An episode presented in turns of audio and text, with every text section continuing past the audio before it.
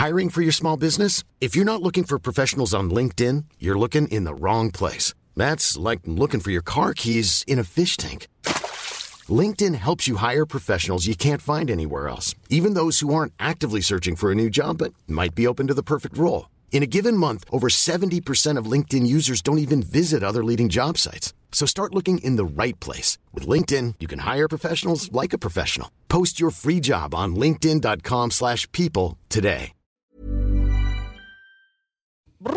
Om du gör ett sånt där fågelljud. Ja, ja, ja. Nu ska du besvara alla hemligheter. Ja, fy fasen vad roligt.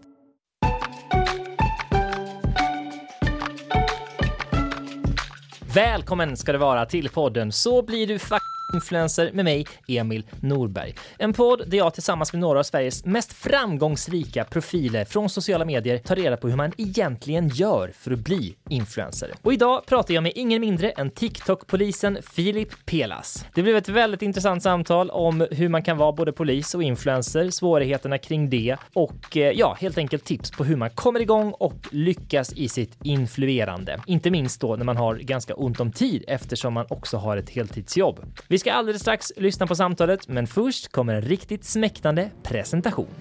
Filip Pelas är 27 år gammal från Strömstad och arbetar som polis och komiker, skådespelare och influencer. En del såg honom kanske först som den röda, biffiga karaktären i Youtube-serien Vilken färg är du? som han gör bland annat med Viktor Klemming. Numera syns han dock överallt och har ett TikTok-konto med över 260 000 följare, ett Instagram-konto med över 51 000 följare och på de här kontona så varvar han sketcher med frågor och svar om polisyrket, scener från skjutbanan eller inlägg i debatten om brott och straff. Nu är han här, TikTok-polisen Filip Pelas!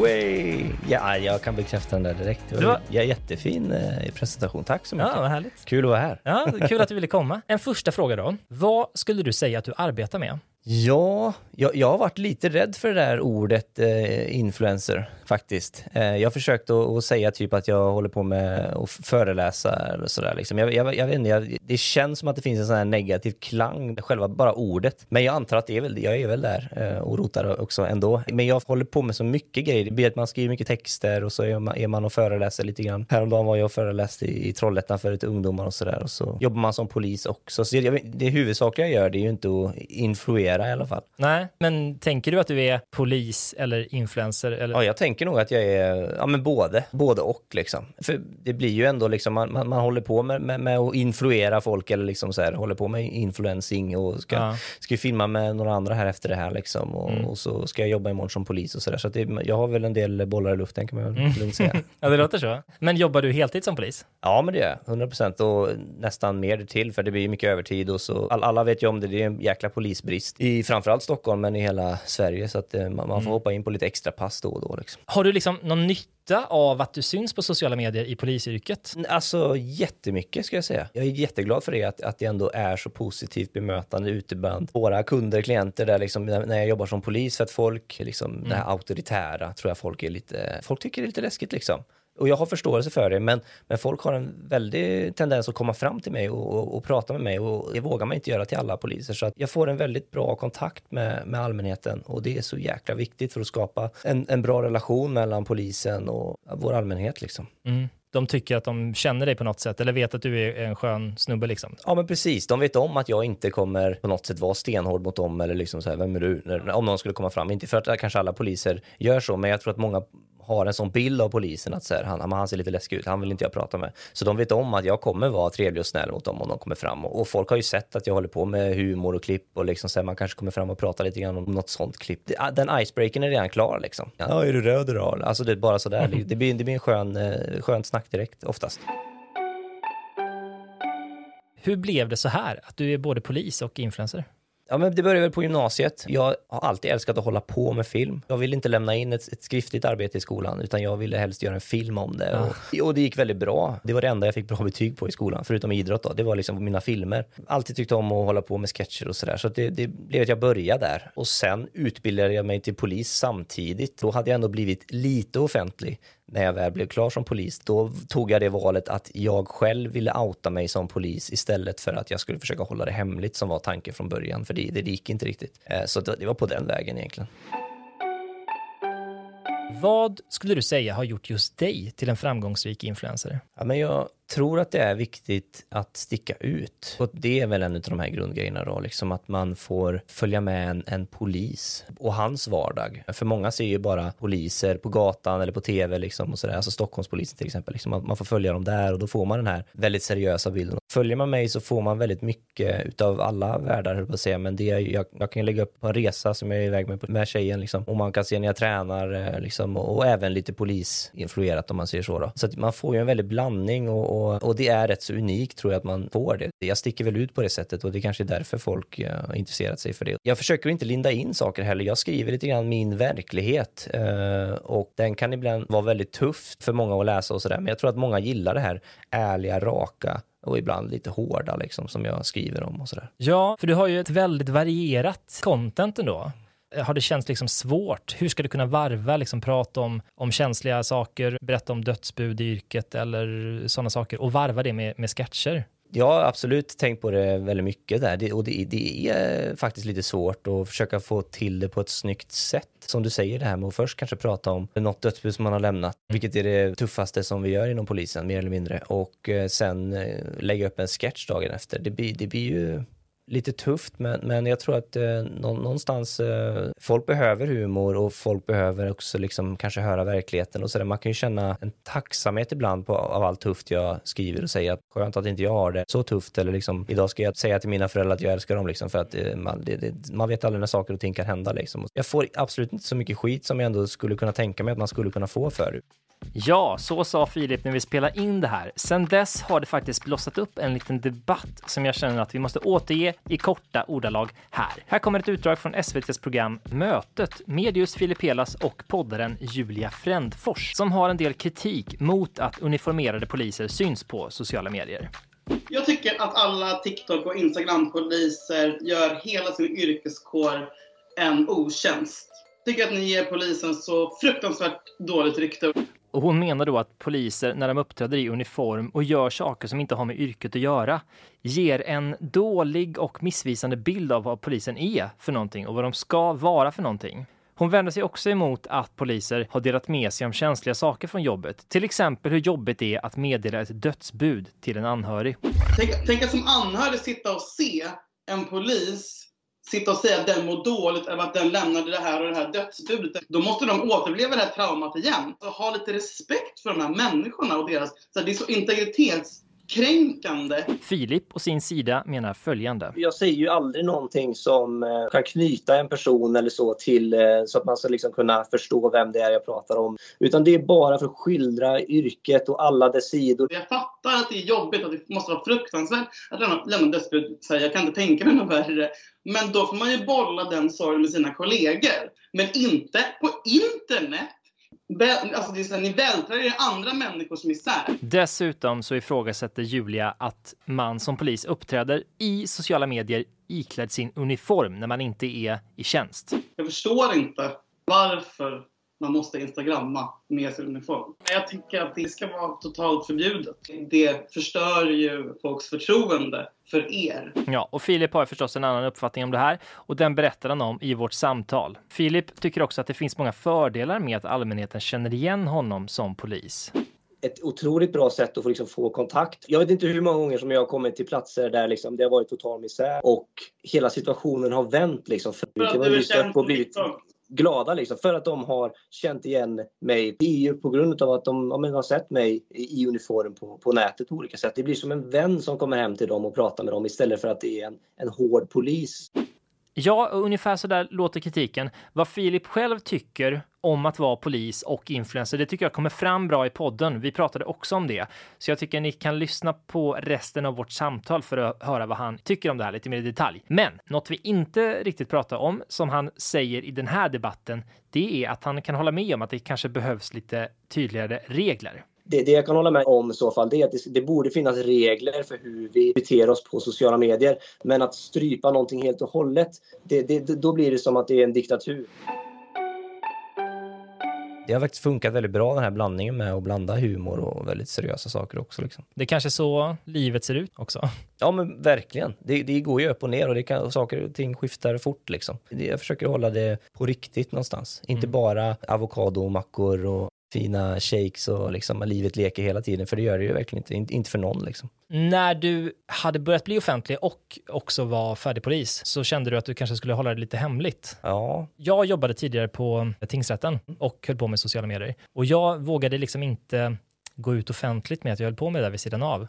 Det Mm. kanske var onödigt försiktigt av mig. Vad har du för tankar om det? Att du har liksom ett förtroendeuppdrag eller vad man ska säga, en myndighetsutövning, eh, att skoja? Ja, men det, det- var väl just det där liksom att då brydde jag mig nog väldigt mycket om vad andra skulle tycka och tänka. Och det här ansvaret som man har som polis. Och jag tänkte nog att nu, men nu är jag polis, så då är jag alltid polis liksom. Folk kommer alltid se mig så. Men desto mer man har kommit in i rollen som polis så, så tycker jag ändå bara mer och mer att det blir som ett jobb. Jag, jag går till jobbet i natt mellan 22 och 07 och, och, och gör min grej där liksom. Men jag tycker om och älskar att hålla på med film och, och humor också. Och vill jag jobba med det dagen efter där så måste jag kunna göra det. Jag är inte bara en polis liksom någonstans, men den bilden hade jag av mig själv då, att nej men nu är jag polis, nu får jag lägga ner allting liksom. Just det. Men jag är fler saker än bara en polis. Ja, precis. Och det är väl jättebra att visa att poliser inte bara är en uniform. Ja men exakt, visa vår, vår eh, men vad vi gör vid sidan av liksom. Det är väl det den här Tunna blå linjen-serien också visar. Man får inte bara följa dem i yrket utan visa att vi i grund och botten så är vi helt vanliga människor ändå liksom, som, som har fritidsintressen. Vilket tror du är det viktigaste personlighetsdraget om man ska lyckas som influencer? Ja, jag för- mig direkt till de här eh, färgerna som vi håller på med. Ja. jag, jag och Viktor. Ja, och det Filip syftar på är de här Vilken färg är du-videorna som han gör tillsammans med Viktor Klemming, Gustav Härdner och Kostik Harju som har eh, fått otrolig spridning på Youtube och det finns faktiskt över 57 stycken om jag räknar rätt här på Youtube. De är då baserade på den här boken av Thomas Eriksson där människor kan delas in i olika färger. Man kan vara gul, röd, blå eller grön. Och då har man enligt teorin olika personlighetsdrag helt enkelt. Och då till exempel en röd person är väldigt bestämd, lite aggressiv nästan och får saker att hända det är nog viktigt att vara lite, vad ska man säga, lite röd, alltså lite man, eh, att, att det händer grejer någonstans. Man får inte bara bli sådär att man tänker idéer hela, hela tiden och, och till slut tänker man på det så mycket att man kanske inte gör någonting utav det. Man måste någonstans ändå få ut saker och ting och testa saker och, och använda sin kreativa sida också. Att få saker gjort och vara kreativ, jag tror jag tror är väldigt viktigt i, i, det, i det här jobbet och lite mindre utav det här blåa, att man ska fundera och fundera till, till oändligheter liksom. Eh, Absolut att det kan vara viktigt, men, men det, det, jag tror det kommer rätt så långt ner på den skalan om man säger så. Har du någon uppfattning om vilken målgrupp du har? Nej. Nej men jag, jag vet väl att jag har gått ifrån att ha en väldigt eh, ung målgrupp. Mycket unga pojkar och flickor som tittar på mig för humorn liksom. Men nu vet jag efter, efter de, alla de här artiklarna jag skrivit eller liksom eh, seriösa texter så har det, den här målgruppen ökat något eh, väldigt. Så att nu är det en, en salig blandning från liksom 10-12 år upp till, eh, jag vet att eh, en följare som har skrivit med mig som har varit över 60 så att det, det blir en, en jäkla stor målgrupp. Men eh, främst ungdomar skulle jag säga, tror jag.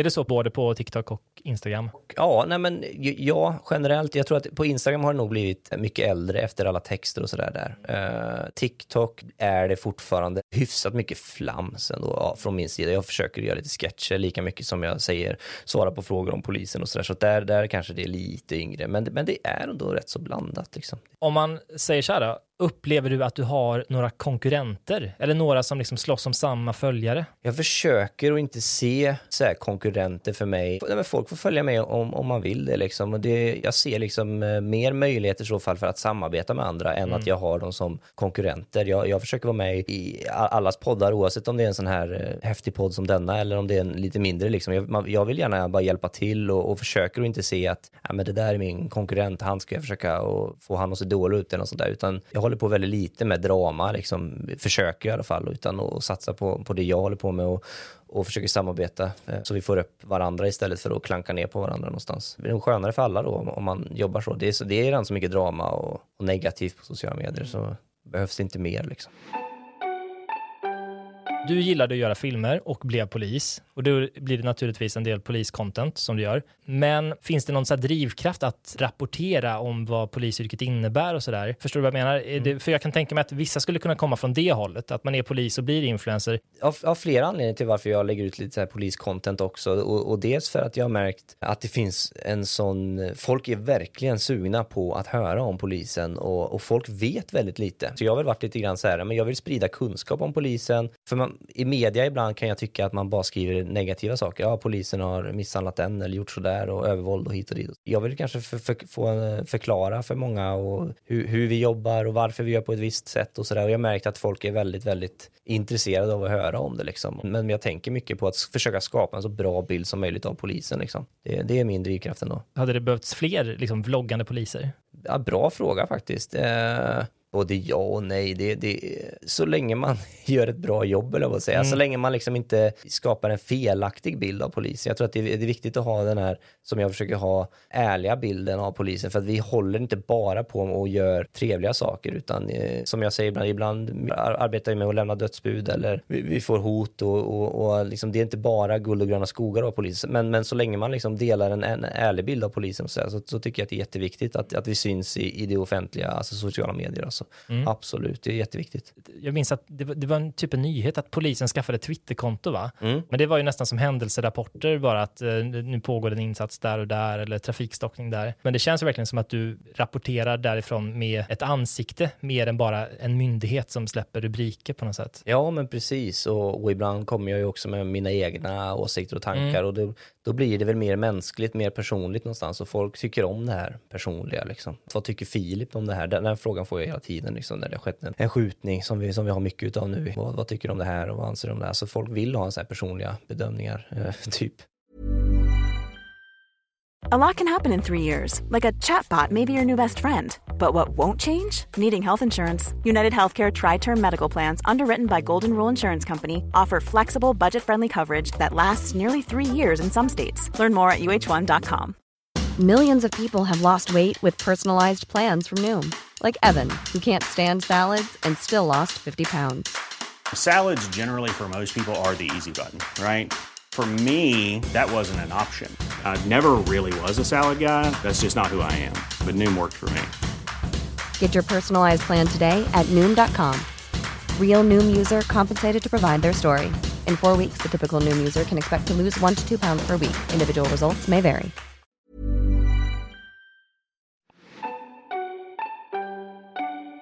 Men om man tänker mer på den här influencer-biten då. Mm.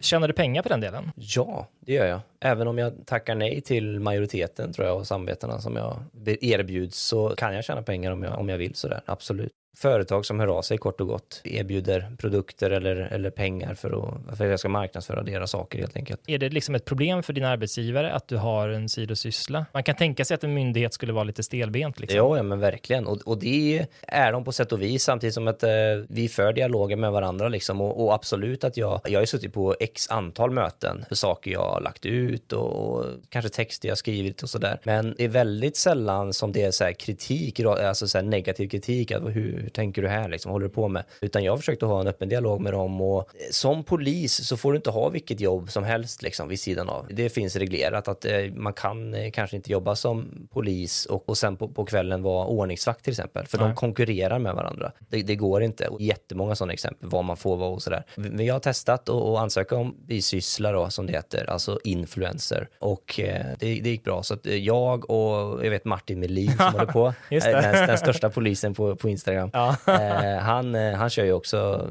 bisyssla influencer liksom. Så att eh, det går, men sen finns det ju regleringar. Jag får inte till exempel lägga upp med Arla liksom att nu har Arla släppt en ny mjölk här liksom i polisuniform. Men jag får göra det som privatperson och där kan ju folk kanske bli lite så här, mm, är inte du polis? Det är den här grejen som jag pratade om förr, man måste kunna vara privat också liksom. Ja, då uppfattar jag att du får göra ganska mycket, men du kanske väljer saker där du själv tycker att det är lite så här gråzon. Ja, Helt- men exakt. Och jag vill göra saker som eh, jag ändå någonstans står bakom. Eller jag har blivit mer och mer åt det hållet i alla fall. Jag har lagt upp mycket grejer förr som jag tänker att nej men det här var inte, varför gjorde jag samarbete med dem liksom? Och det är sådana saker som jag kanske till och med har tagit bort liksom, som inte jag vill ha att göra med längre. Men nu försöker jag i så fall eh, ja, men tacka ja till samarbeten som, som rör träning och sådär för jag tycker det är en viktig grej liksom. Men jag har ju lyxen någonstans att kunna välja lite grann vilka samarbeten jag tackar ja eller nej till. Just för att jag har det här ett 100% jobb vid sidan av. Så jag har ju lite lyxen att jag kommer ju klara mig rent ekonomiskt den här månaden även om jag inte gör en samarbete med, med Coop eller Ica eller vad det nu är liksom. När började du med sociala medier? Jag började ju egentligen med YouTube och sådär va, vid 17-18 år eller något sånt där. På gymnasiet. Då startade väl och, och då, sen har jag väl haft Instagram och sådär länge men jag, det var ju då det kanske liksom började lägga ut saker i syfte att få följare liksom, liksom sprida klipp och sådär liksom. Vilken kanal var det? Men då hade jag och Viktor en egen kanal som hette, hette den Philips äventyr? Ja, Philips äventyr hette den. Sen Philips äventyr gick från det, sen blev Viktor lite egoist där och han ville också vara med på ett hörn så då blev det Viktor och Philips äventyr har jag för mig. Och sen hoppade jag av där mitt i polisutbildningen och, och så blev det Viktor Klemming. Så det är egentligen samma kanal som vi hade där som hette Philips äventyr, det är Viktor Klemming idag. Kul. Och vad Ja. var det ni la ut där då från början? Ja, men sketcher, parodier, eh, rätt så, i dagens mått rätt så rå humor. Vi, vi hade inte så mycket gränser, det har vi väl egentligen inte fortfarande. Så, alltså, vi, vi försöker att, att göra det vi tycker är kul och fokusera på det mer än att vi försöker att passa in i, på gott och ont. Det, många av Viktors klipp idag blir ju kanske gula och rödmarkerade liksom. Ja, och de här markeringarna är alltså YouTubes sätt att säga att en video är olämplig eller mindre lämplig för annonsörer att annonsera på helt enkelt. Och då tjänar man inga pengar liksom. Men eh, vi försöker väl göra det vi tycker är roligt liksom. Men eh, när började det liksom ta fart på YouTube? det, det tog ett tag och det tror jag är en viktig lärdom om man ska syssla med det här med sociala medier och sådär. Det tog absolut mer än en eh, månad liksom och jag tror att folk så här idag är så stressade att det ska gå så fort, man ska nå framgång fort och tjäna pengar och det går, det går så bra för andra så nu måste jag sätta igång här liksom. Så blir man jätteledsen och stressad när det har gått eh, ett år och man liksom eh, fortfarande har eh, 200 följare liksom. Det är jätteviktigt tror jag att tänka att det tar lång tid, man får inte ge upp, man måste fortsätta och jobba liksom för att jag tror att fem, sex år tror jag i alla fall innan vi fick vår första lön och den, låg, den delade vi på, på kanske tusen kronor och så i slutändan efter skatt och sådär så fick vi 200 spänn på kontot var, var liksom. Ja. Det, det är på den nivån så att Ja. jag menar, det var vår första lön mer eller mindre. Efter fem år, hyfsat hårt arbete, så vi har jobbat gratis i fem, sex år. Liksom. Ja, det, är, det är inte den bilden man har av influencers, att de kämpar i fem år och sen breakar liksom. Nej men exakt, allt går så fort och det ser så fint och bra ut, det är positivt allting, men så är det ju verkligen inte, utan jag har misslyckats eh, så otroligt många fler gånger än vad jag har lyckats om man säger så. Man, men, men folk ser nog bara de lyckade gångerna, men jag, herregud vad jag misslyckats, det gör jag hela tiden. Var det någon så här tydlig vändpunkt att nu börjar det ju gå bra här? Ja, vi, vi blev mer personliga, är väl mitt korta svar på det. Tidigare så var det bara sketcher, vi slängde ut dem och folk eh, tyckte sketcherna var bra, men de visste inte vilka vi var bakom eh, de här olika rollerna som vi spelade liksom. Men så fort vi blev mer personliga med fansen, jag vet att vi, vi, läm- vi la ut ett klipp, vår första Q&A som det heter. Vi svarar på frågor från våra fans som vi hade då, även om det inte var så många. Och efter det vill jag minnas att det tog fart. Folk liksom fick lära känna oss på ett, personligt plan och det tror jag är eh, väldigt viktigt. Har du använt det som ett framgångsrecept sedan dess då? Ja, det blir ju så på men TikTok och Instagram nu som där jag verkar mest liksom att eh, jag svarar ju på frågor och, och berättar om vad jag själv kände och, och, och tyckte och vad jag, vad jag själv har kanske haft för lärdom om det och skriver texter där jag liksom av egna personliga erfarenheter. Så att alltså nästan allt jag gör grundar sig i personlighet liksom och vem, vem jag är och vad jag tycker om det och jag tror att det, det är ett framgångsrecept liksom så att man inte håller sig själv eh, för långt bort från sina följare. Och om man är bekväm med att öppna upp sitt privatliv och sina egna tankar för sina följare, det är också en sak man får fundera på liksom. Precis. Och öva på kanske? Eller var det svårt från början? Ja, men det tror jag. Absolut. Det, det, man, jag ville ju bara göra sketcher. Jag ville vara en skådespelare som, som gjorde sketcher med, med Victor. Liksom. Men sen märkte jag att men folk vill ju höra vad, vad jag tycker och tänker mer än kanske vad den här rollen som jag spelar, Greger, liksom, vad, vad jag nu spelar. Liksom. Folk Ja. ville, ville höra vad jag, hur, hur jag tränar eller liksom, så, allt sånt där. Så att man får bara träna och jag var nog jättedålig på det i början. Men eh, nu tycker jag nog att det funkar rätt så bra. Viktor tog över kanalen, eller frontade den i alla fall, och eh, du pluggade polis. När började ni göra de här färgvideorna till exempel? För många uppfattar väl dem som ett stort genombrott för er, va? Ja, det skulle jag nog säga. Det, det första genombrottet var ju den här Q&A. Men det var ett mindre genombrott. Men det, det var då det kändes för mig, så här, "Aha, okej, det är det här de vill ha. Ja. Det största genombrottet var ju, som du nämner, alltså Vilken färg är du, liksom, den serien. När kom den första där? Det var fem år sedan kanske, något sånt där. Ja, runt 2017 där skulle jag säga. 2017, 2018. Där drog det igång riktigt ordentligt. Det, det förändrades lite grann det man hållit på med innan. Nu vart det miljontals visningar plötsligt och inte de här tusentals som man var stolt över, utan nu vart det miljontals istället och det var ju jätte, jättehäftigt gick så fort ändå liksom, på något sätt. Men även så långsamt. Men man har ju hållit på och krigat ett x- antal år liksom, innan man hamnade där. Men eh, hade du då samtidigt Instagram och, hade startat TikTok och sånt där eller? Nej, TikTok eh, höll jag inte på med. Det har jag bara hållit på med typ ett, ett två år skulle jag säga, TikTok. Eh, så jag var väldigt sen på bollen med TikTok faktiskt. Instagram hade jag nog. Skrev ingenting om polisen då, för att jag var inte klar polis. Och min tanke var inte att hålla på med polisen så, utan jag, nej, jag, då delade jag väl lite grann vad jag höll på med på dagarna och la ut eh, några sketcher som vi släppte liksom. Inte mer än så. Jag var nog kanske inte jätte så här, personlig heller, men jag hade inte så mycket följare då heller på sociala medier överhuvudtaget egentligen, utan det kom ju i och med det här Vilken färg är du och nu sen när jag blivit polis har det ju tagit fart lite mer ordentligt i alla fall. Mm. Där kanske du hade något annat genombrott. Eller jag kan tänka mig att du får en viss publik från färgvideosarna och allsvenskan parodi och sådana där saker. Men den här polisinnehållet, det känns som att du skulle kunna haft ett break för en annan målgrupp där. Ja, jag har väl hållit på att skriva lite sådana här texter på Instagram och det kom ett litet break, jag kommer inte ihåg exakt när, men kanske var för eh, två, tre år sedan då, som jag började skriva lite mer seriösa texter. Gick från det här oseriösa skoj-Filip till eh, lite mer seriösa texter och då förändrades det, jag fick lite äldre följare. Sen började jag med, som sagt, med TikTok. Där har det slått fart något så oerhört. Eh, Det har gått om Instagram och allt annat som jag sysslat med. Gått om Viktor på YouTube också, det är skönt. Även så att eh, poliscontent går extremt bra. Folk vill se och höra om poliserna. Så det, det är ju någonstans eh, många följare som kommer på grund av det skulle jag säga. Hur ofta lägger du ut innehåll? Eh, jag tror det är viktigt för en själv att hitta en balans. För jag har många kollegor inom den här branschen Eh, som har gått in i väggen, är på väg in i väggen och, och jobbar ihjäl sig egentligen. Jätteviktigt att hitta en, en slags balans. För förr hade jag på Instagram i alla fall en sån här tanke att jag ska släppa en bild eller en video varje vecka. Liksom. Jag måste göra det varje söndag. Jag fick sån jäkla stress utav det. Säg att jag släppte varje söndag. Så fort jag släppte på söndag så blev det liksom direkt i tankebanorna. Vad ska jag släppa nästa söndag nu då? Och så höll man på sådär. Hade jag hållit på med det även idag, då hade jag inte tyckt att ah, det här var kul alls. Då hade jag nog gått in i väggen tror jag. Så min balans nu är att jag inte har något krav på mig överhuvudtaget när jag ska släppa någonting, utan jag gör det hyfsat spontant och när jag känner eh, att eh, jag vill göra det. Så jobbar jag för att jag tror att det, då håller jag längst personligen och det är jätteviktigt att, att kunna jobba med, någon, med en sån balans så att du inte jobbar ihjäl dig. Liksom. Det är jätte, jätteviktigt. Och vad blir det då? Eller vad tenderar det att bli? Är det liksom en gång i veckan eller en gång per två veckor? Eller? Ja, om man tänker på Instagram så där kan det ta två månader innan jag släpper ut en bild liksom, eller skriver en text. Kan det ta, men det kan också vara att det kommer upp eh, två gånger på en vecka. Liksom. Så att där är vä- väldigt spontant, men TikTok har jag försökt att hålla ett jämnare tempo och lägga ut mer ofta. Har haft en tanke på att det ska komma en i veckan, men om inte det kommer ut en i veckan så, så gör det inte det och då kan det dröja två veckor eller så tre. Men, men där försöker jag lägga ut eh, mer ofta just för att kvaliteten behöver inte vara så hög på TikTok har jag märkt. Det räcker med att jag står och svarar på en fråga så tycker folk att det är vettigt liksom. Lägger du ut olika saker på TikTok och på Instagram? Ja, försöker hålla mer seriöst eh, content på Instagram, mer texter. Men det kan också vara en bild på, på mig och tjejen som eh, är i Spanien och dricker vin. Liksom. Men försöker hålla det mer seriöst där. Och, och TikTok eh, lite mer oseriöst. Det blir, eh, det blir, det blir någon sketch, men det kan också vara en, en polis, eh, seriös snack om polisen och sådär. Men eh, nej, det, det blandas lite grann. Men du jobbar ju heltid som polis. Det är mycket övertid, mycket nattpass kanske. Hur ser liksom en arbetsvecka ut och när får du influencer-delen av jobbet gjort?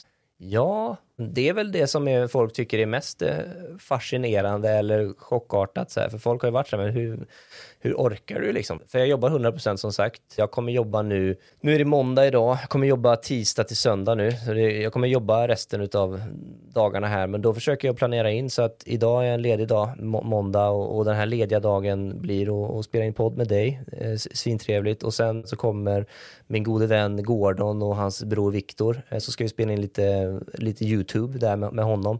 Och det, jag, jag har inget problem med att jobba mycket på det sättet. För att jag tycker, det här tycker jag är bara jättetrevligt. Köta med en bra, en bra gubbe liksom. Och sen eh, spela in lite sketcher med två ytterligare bra, eh, härliga snubbar liksom. Det, det, jag, jag tycker bara det är trevligt liksom. Och jag, men det blir att jag jobbar, om man kan säga så, mycket då liksom. Det, det blir ju det. Men du får energi av den här typen av jobb, eller? Ja, det här är liksom, det varvar och jag får eh, byta ut det här kanske mycket tragiska som man ser i polisyrket och bara få köta och vara positiv med dig ett tag. Liksom. Mm. Det är jätteskönt att bara ge mig mer energi till att jobba som polis och, och vice versa skulle jag säga. Bra, det är ju jätteskönt att kunna ha det så. Mm. Men du har ju ändå begränsat med tid när du är ledig. Har du något hack för att få saker att hända? Jag försöker att inte konsumera så mycket sociala medier överhuvudtaget. Om det är några yngre som lyssnar så, så konsumera betyder alltså att man scrollar i en oändlighet på sin TikTok och på Instagram och sådär. Du kan ju hitta lite inspiration till sketcher och sådär, men att, att göra det ger en inte själv oftast så mycket. Du- Jag försöker att producera mer än vad jag konsumerar. Så att istället för att bara ligga och scrolla en hel dag så kanske jag ringer och snackar med Viktor på, på vägen till eller från jobbet och sådär. Alltså just det här, för många sitter ju på, på tunnelbanan och bara scrollar liksom. Då försöker jag vara lite produktiv. Jag ringer Viktor, ska vi bolla något manus? Ska vi snacka om det här? Ska vi snacka om det här? För att, för att hitta idéer till att producera istället för att eh, hålla på med ko- konsumtion liksom, som egentligen inte kanske ger så mycket. Du tar små luckor här och där och förbereder vad du ska göra när du väl har tid. Ja, när tiden finns så, så blir det pro- producera eller eh, snacka idéer och sådär liksom. Försöker jag göra. Och, och viktigt att ge sig själv eh, tillåtelse att vila också, så man inte bara jobbar, jobbar, jobbar, utan viktigt att kunna liksom ta en kväll med, att, att, att ta en kväll med tjejen hemma och, och lägger undan telefonen helt och hållet och bara kan vara där och nju- njuta och vara liksom, utan telefonen. Om du hade haft möjlighet att lägga mer tid eller mer pengar på någonting, vad hade du gjort då? Utrustning i så fall skulle jag väl säga. Alltså man kan väl alltid göra kvaliteten bättre på det man håller på med. Eh, Som ni, ni har jättefint eh, seriöst kontor här liksom. Eh, Det, det skulle man kunna ha, alltså ordentliga mickar. Så ja men du, alltså en podd hade ju varit skitkul. Det hade jag kunnat tänka mig att lägga mer pengar på. E- e- En ordentlig studio, ordentliga mickar och bjuda in härliga gäster liksom, så som du kör nu. Det, det hade jag kunnat tänka mig att öka kvaliteten på det sättet. Det är väl en jättebra grej? Ja, Snutpodden. Snutpodden, det, det är inte omöjligt. Det är inte omöjligt. Du är välkommen då Ja. ifall jag startar upp en sån. ja. ja, men jag är ju jurist också. På, på vilken sida är det på att säga, men du, du är... På domstolen. Du, ja, så där ja. Perfekt. Nej, jag slutade, jag, jag tog juristexamen, jobbade som tingsnotarie då. Så Ja. jag har dömt Just narkotikabrotten som ni har Ja, men gripit. perfekt ja. ja men vad, vad, det. Håller du på med det fortfarande eller Nej. har du lagt ner det helt och hållet? Nu är Ja. det bara influensandet. Men du kan fortfarande hålla på med det eller? Ja, jag antar det. Men jag har så svårt att kombinera juristgrejen med den här eh, skojarrollen liksom. Ja. Men det kanske inte är så farligt, det kanske går. Men jag var bara så rädd att folk skulle tro att man var en tramsebytta och att man inte skulle få jobba på eh, advokatbyrå till exempel. För det. Ja. Nej, Jag, jag skulle säga att det är nästan, för det finns ju en del poliser som håller på med sociala medier Mm. och tramsar liksom, som, som jag själv och Martin Melin och gänget liksom. Men det finns väldigt få, ska jag säga, alltså jurister, renodlade jurister som ändå, ja men lite sketcher och lite jurister, alltså man får följa en ju- jurist vardag. Så att jag skulle inte tycka alls att det hade varit eh, fel att, att följa dig och den resan också liksom. Det kan nog vara, du får fundera på det om du har tid och ork och sådär, men Det hade är varit eh, svinkul ju. Vi byter roller. Du börjar Ja. podda och jag... Ja, precis, precis. Nej, men det är sant. Och när jag har sett dig så har jag tänkt det också, att det borde finnas folk som gör det här från domstolen eller från socialtjänsten eller så här. 100 procent. Här har du ju en idé liksom. Du kan ju vara först liksom och komma ut och verkligen vara, vara unik i det sammanhanget. Så på saken. Hur mäter du om det du har gjort gått bra eller dåligt? Ja, man mäter väl i visningar och likes och sådär antar jag. Jag och min gode vän Gustav Härdner, han som spelar Blå i de här filmerna som vi håller på med, han och jag har aldrig sagt att om vi får 100 000 visningar på en TikTok-video, då är det, det är bra. Då, då försöker man vara lite glad och tacksam och nöjd över det. Får man mindre, då ska man fundera på vad var det jag gjorde fel, vad var det de inte tyckte om i den här liksom? Kunde jag gjort någonting annorlunda? Eh, så där har jag väl haft en liten stolpe någonstans, 100 000. På Instagram är det väl lite svårare, jag vet inte vad som är Nej, där har jag väl ingenting så här, det här ska jag ha i, i likes eller sådär. Där får det lite, lite vara. Men på TikTok, 100 000 visningar vill jag ha där. Tydligt. Ja, Men på Instagram, till exempel i dina stories då, dina texter, det känns ju som att du strävar efter att väcka opinion eller liksom göra ett inlägg i en debatt. Är det också något så här mål, att det ska få ringa på vattnet? det, jag tror att det är viktigt uh, och, och höra polisens röst. Jag kan tycka att eh, politiker kanske ibland pratar med lite fel personer. Alltså det är jätte, jättebra och uppskattat när de kommer ut och pratar med oss vanliga på, på marken om man säger så, liksom vi som får se verkligheten. Det är den bilden jag försöker förmedla lite grann och gärna vill att eh, mina texter ska delas på det sättet för att man ska höra ja, min eller liksom vi poliser på markens röster för det är den som är viktig kanske inte en hög polischef som kanske inte exakt alltid vet hur det är på, på, där på botten. Liksom. Ibland märker man så här, vissa politiska förslag då, på, på båda sidor om man säger så, liksom, som bara, men vad är det här grundat i liksom? Det här kommer inte lösa några problem. Och så lägger man jätte, jättemycket tid och pratar om det här kommer bli bra, det här kommer bli bra. Men hade de snackat med 50 poliser så kanske man hade fått, aha okej, det kanske inte blir så bra ändå liksom. Det är den bilden jag vill sprida lite grann och mina e- egna privata tankar och känslor från, från, eh, från verkligheten, från eh, botten liksom, om man säger så. Att du vill föra dem till politikerna, typ. Ja, lite så. Jag har ju någonstans en möjlighet att göra det som att jag har byggt upp en följarskara. Så att jag vill liksom, vi vanliga dödliga här nere liksom, jag vill föra vår talan någonstans. För det känns som att många, kanske sjuksköterska, och skriker högt men man får aldrig höras liksom. Det här med psykisk ohälsa och sådär, den debatten saknar jag lite grann idag. Men Vi har ett otroligt problem med psykisk ohälsa och om jag inte minns fel nu så är liksom den vanligaste dödsorsaken bland, bland unga idag har ju gått och blivit psykisk ohälsa nu liksom. Jag saknar lite grann den debatten liksom idag. Jag tycker att politikerna pratar för lite om den, så den försöker jag lyfta jättemycket liksom. Så att någon gör det i alla fall. Mm.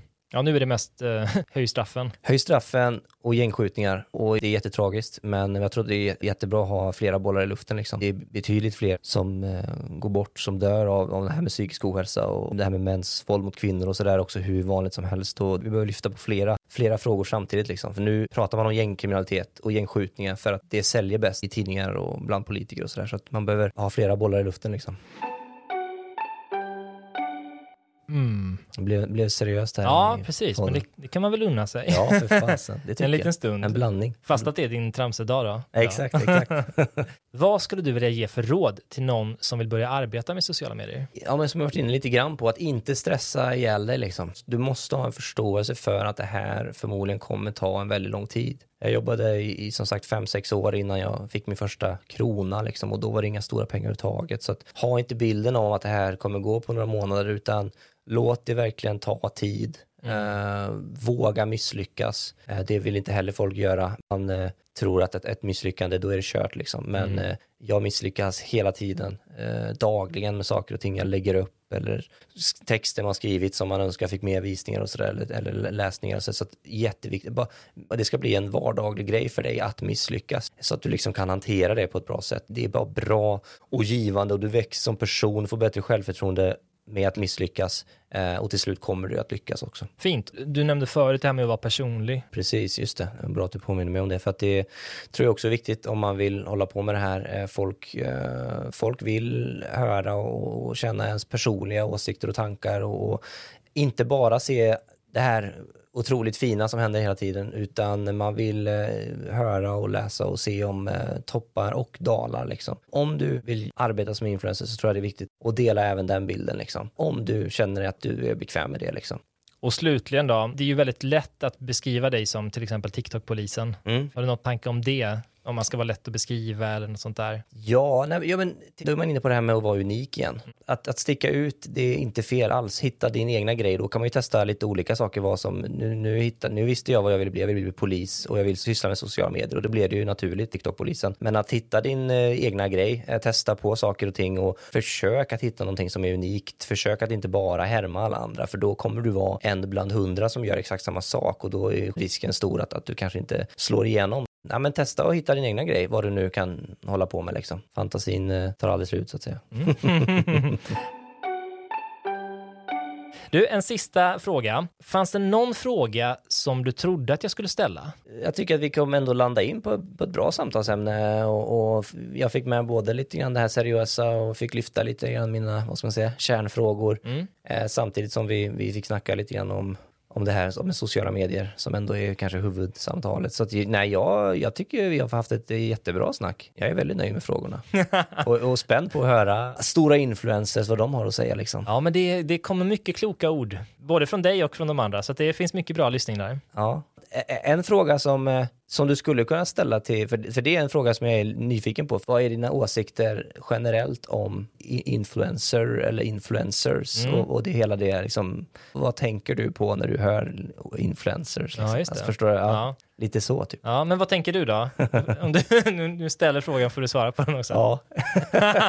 Nej, men just för att jag är så nyfiken på det här, det är för att jag har så blandade åsikter tror jag. Ja. Alltså, jag tycker att det är helt eh, fantastiskt ibland och Mm. man får vara med så mycket och det är liksom, eh, hela det här med influerandet har, har gett mig väldigt, väldigt mycket.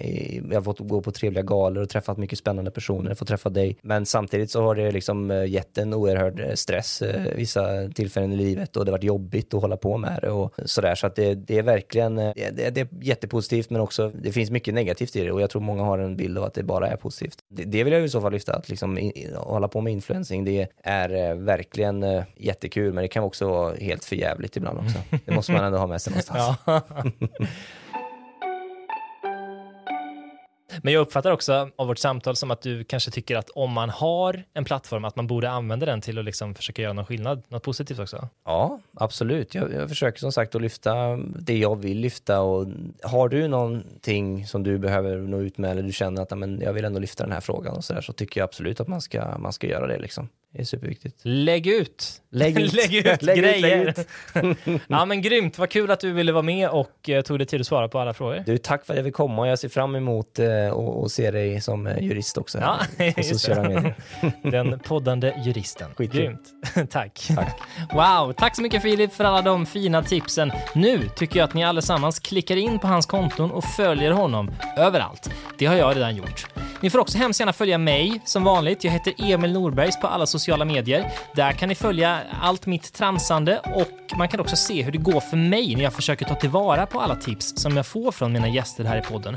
I nästa avsnitt träffar jag Ella Grundell som både är influencer själv och dessutom en av de i Sverige som har mest erfarenhet av att hjälpa influencers förverkliga sina visioner och att tjäna pengar på sitt content. Hon har nämligen jobbat på nästan alla bolag som är värda att nämna som jobbar med influencer marketing och eh, ja, den typen av verksamheter. Hon berättar om vilka vilka misstag influencers ofta begår, hur man undviker dem och så förklarar hon hur ekonomin runt influencers egentligen Planning for your next trip? Elevate your travel style with Quince. Quince has all the jet setting essentials you'll want for your next getaway, like European linen, premium luggage options, buttery soft Italian leather bags, and so much more. And is all priced at 50 to 80% less than similar brands. Plus, Quince only works with factories that use safe and ethical manufacturing practices. Pack your bags with high-quality essentials you'll be wearing for vacations to come with Quince. Go to quince.com slash pack for free shipping and 365-day returns. ser.